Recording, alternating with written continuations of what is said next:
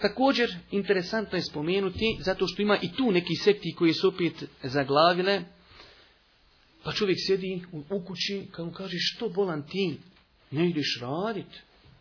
Kaže, to je sve zapisano, kader, određeno, sve, nemaš ti šta, doći ti onoliko koliko ti je propisano.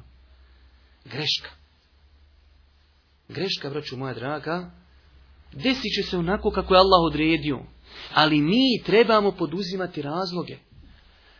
Ali vidjet ćete, vidjet ćete kako su ti ljudi kontradiktorni, a sve to plod neznanja.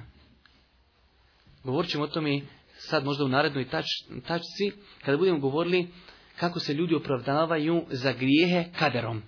Da samo spomenemo ajete i hadise koji nam potvrđuju ovu činjenicu, da treba čovjek u svom životu da poduzima ono što će mu koristiti, a se čuva onoga što šteti. Uzvišnji Allah svom Kur'anu kaže ida kodijeti salatu fenteširu fil ard, Kad završite džumu namaz, Fenteširu fil ard, Raziđite se po zemlji. Dobro, šta to znači raziđite se po zemlji? Nastavlja, kaže uzvišeni Allah, i Allahove blagodati tražite. Traži risk, bolan. Idi za riskom, nemoj čekati da risk dođe. Da, ako ti bude propisan da umriješ od gladi. Kad bi se čitav dunjalu sabrotiš umrt od gladi. Ali tvoje je da ideš za nafaku. Tvoje da ideš za nafakom. Zato kaže uzvišenje Allahu suri Al-Anfal lahum min quwwatin wa min ribatil khayl bihi aduwwallahi wa Pripremite ljudi protiv njih sve što možete od vojne snage. Kako bi zastrašili Allahove neprijatelje i vaše neprijatelje. No što ti sjedi i kažeš, ne, ako bude kadera, on će osvojiti sanski most. Ako ne bude, neće. Sjediš, čekaš, pokuca će to i u čelo. Pripremite. Idu. Uzmite ono što je do vas nakon toga. Kad dadneš sve od sebe, to kažu učenjaci, umet.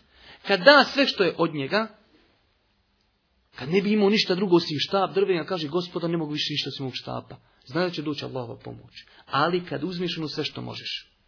Nakon toga, pogledajte Allahu poslanika ali salatu wasalam. Najbolji insan koji kada kroči u zemlju. Allahu miljenik, kad je činio hijđru.